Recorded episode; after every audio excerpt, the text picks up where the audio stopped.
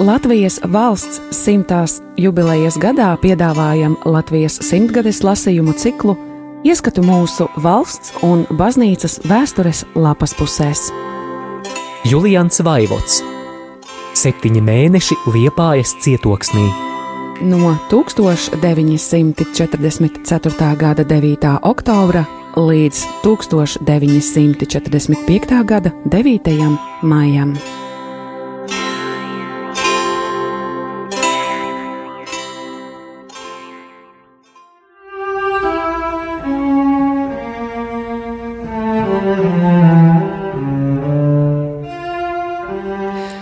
1945. gada 18. februārī. Atkāpies sātan. Jau vairāk kārt teicu domās šīs dienas vēlnam, bet liekas, citādi no viņa netikšu vaļā, kā tik kaut ko par viņu uzrakstījis. Savāds ir šīs pirmās gavēņa svētdienas vēlns, par kuru baznīcās šodien evaņģēlijā lasām, jo viņš iedrošinājās pašu pestītāju kārdināt pa daļai viņš atgādina malu mednieku, slazdu licēju, un uz tādiem man ļauns prāts no tās dienas, kad medībās nejauši iespēru kāju kādā labi maskētā slazdā, un slasts aizcērtoties ne tikai sabojāja zābaku, bet arī kāju stipri ievainoja. Labi maskēti slazdi visbīstamākie Tādas veselus trīs kristum bija uzstādījis šīs dienās vēlns. Pirmkārt, nesātības, lūkodams pestītāju ierunāt, lai akmeņus pārvērš par maizi.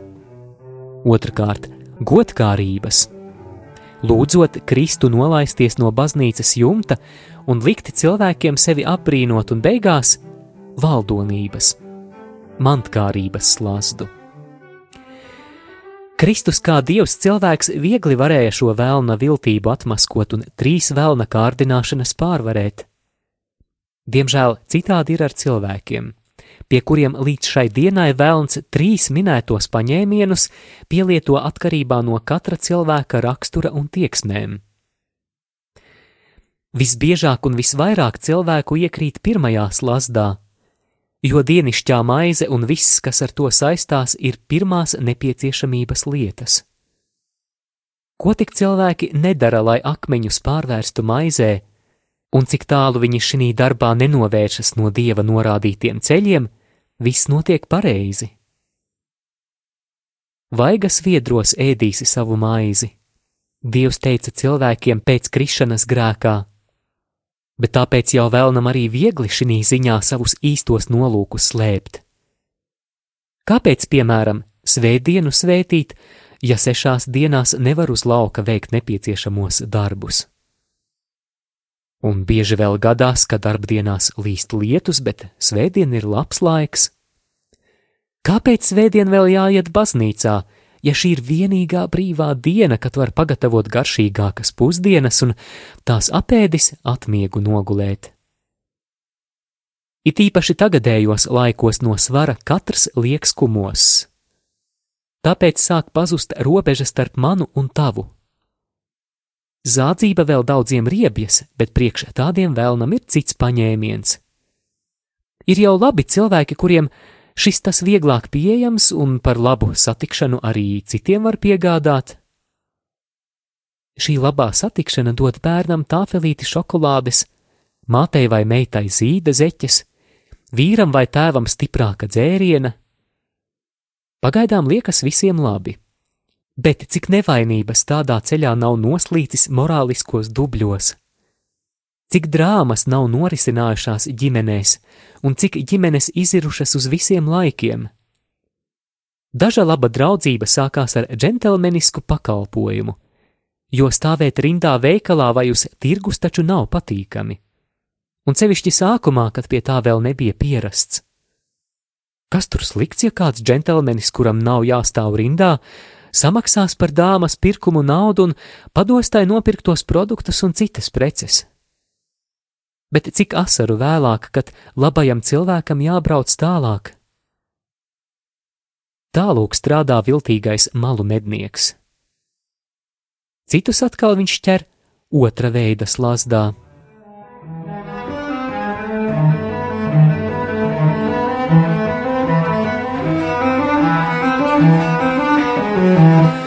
Kam nepatīk sevi parādīt citiem labā gaismā, likt sevi apbrīnot un par sevi runāt? Un, ja vēl laikrakstā par kādu labs uzslavas vārds minēts, tad jau laimes kalngali tādam liekas sasniegti.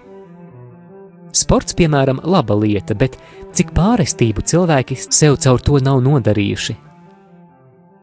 Visprimitīvākajās boxa sacīkstēs, kādā pamatskolā viens zēns otram deva tādu sitienu pāci, ka īsā laikā acis iztecēja.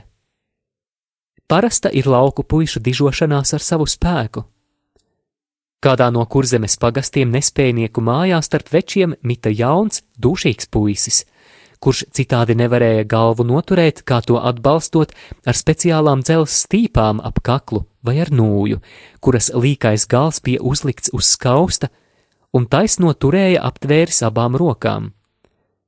Viņš, dižodamies ar zobu un kakla muskuļu izturību, bija lūkojis pacelt zobos kādu smagu priekšmetu un kas saskaitīs lielo sportistu slimības un pāragrās nāves, tāpēc, ka viņi ir gribējuši noskriet rikšotājus un cilāt tikai ziloņa spēkam domātus smagumus.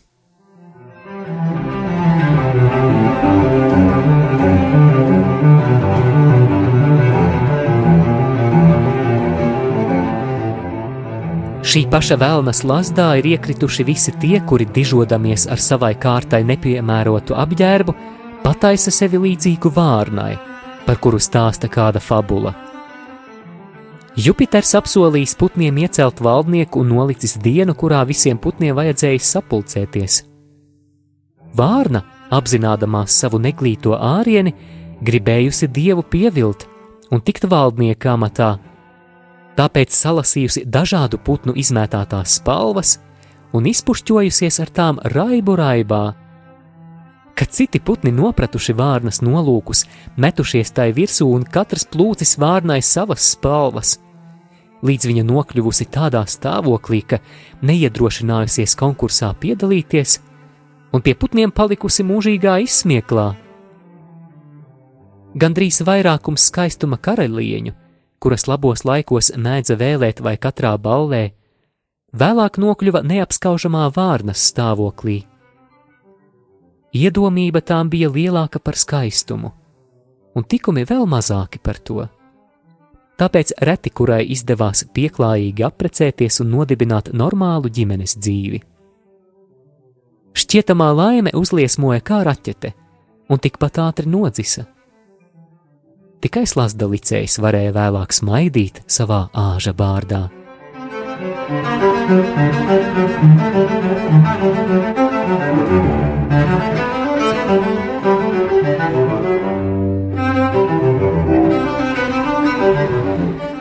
Kārdinādams pestītāju trešo reizi Velns bija pamatīgi nomaskējies, uzstādamies kā visas pasaules valdnieks, un devīgu roku piedāvāja visas pasaules valstis un varu pār tām. Tomēr savu vēlna asti, kaudam serpencijam, čūskas aste, kā kāds rakstnieks teica, nav varējis noslēpt, un proti melus. Sola to, kas viņam nemaz nepieder, un tāpēc nevar arī iedot. Bet ievilināt šī varas un valdīšanas kārē pat gudrus cilvēkus vēlnam nav grūti. Cik skaisti viņš prot iztēlot varas kāriem cilvēkiem nākotnes perspektīvas un kādus labumus nesola tādam valdniekam un viņa pavalstniekiem.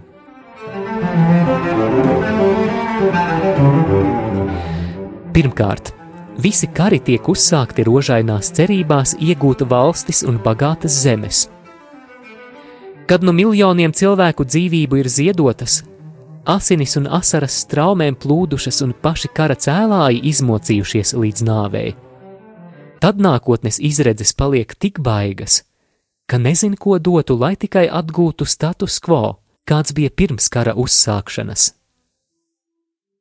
Ieguvējs ir vienīgi slazdu licējs, jo karš lej ūdeni tikai uz viņa dzirnavām. Pārējie paliek sausā.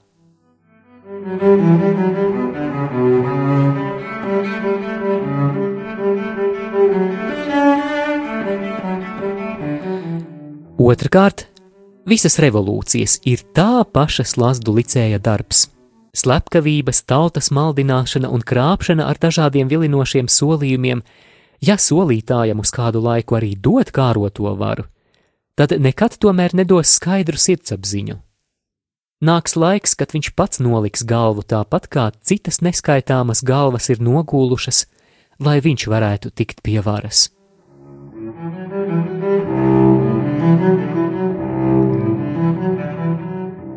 Treškārt, tas pats tikai mazākā mērogā norisinās lauku sētās un atsevišķās ģimenēs. Kādā kurzemes pagasta ceļmalā stāv liels krusts, kuram garām ejot, cilvēki ar savām bailēm pārmet krustu. Nakts laikā sievietes un bērni tur baidās iet. Zem krusta guļ tuvējo māju līdzīpašnieks, kuru brālis nonāvējis ar medību bisi, lai mājas nebūtu jādala. Kādā ārzemju pilsētā meita esot lūgusi ārstam iešļircināt slimajai mātei stiprāku morfija dozu, jo mātei tā kā tā agrāk vai vēlāk esot jāmirst. Bet meita nu pat esot sadarinājusies, un viņai vajadzīga pūra gulta. Nopirkt tikpat labu kā mātes gulta viņa nevarot. Bagātnieku aprindās bija izplatīts paņēmiens liekos mantiniekus vai skopos vecākus ievietot vājprātīgo namā lai paši tiktu pie bagātības. Diemžēl tādu gadījumu nebija mazums. Tikai jābrīnās, kā tāda meita varētu mierīgi nogulēt ar slepkavību iegūtā mātes gultā, vai kā cilvēki var priecāties par mantu, ja īstais viņu īpašnieks mocās starp patiesi vājprātīgiem cilvēkiem.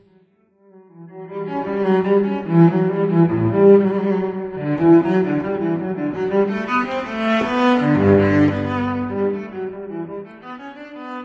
Ceturtkārt, kas nevar iedzīvoties svešā mantā, tam vēl ir iespēja iegūt otra cilvēka labi algotu darba vietu.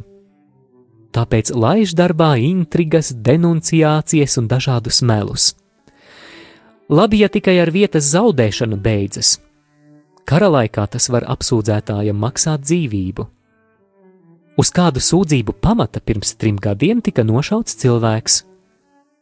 Vēlāk sūdzētājs pats aiz bailēm nezināja, ko iesākt, jo gribējis to cilvēku tikai pabaidīt, bet reiz iesākto lietu vairs nav bijis viņa spēkos apturēt. Visos minētajos gadījumos saskatāms malu mednieks, vēlna roku darbs. Un ko viņš par to saka? Atceraties, ko teica Jūdi Jūdasam, kad viņš aiznesa tiem atpakaļ 30 sudraba gabalus, par kuriem bija nodevis savu mācītāju.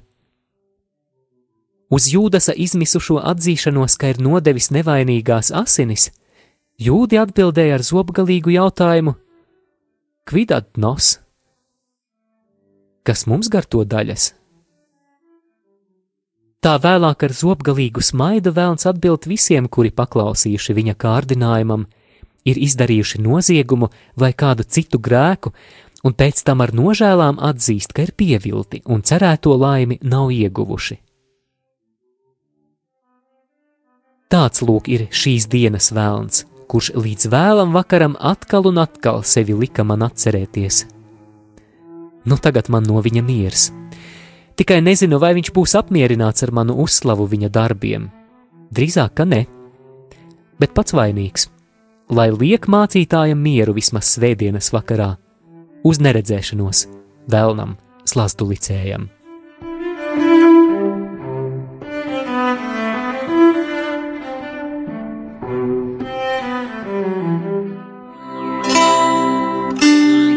Radio Marija Latvija ēterā Latvijas simtgadēji veltīti lasījumi.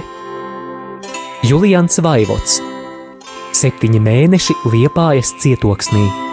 No 1944. gada 9. oktobra līdz 1945. gada 9. maijam.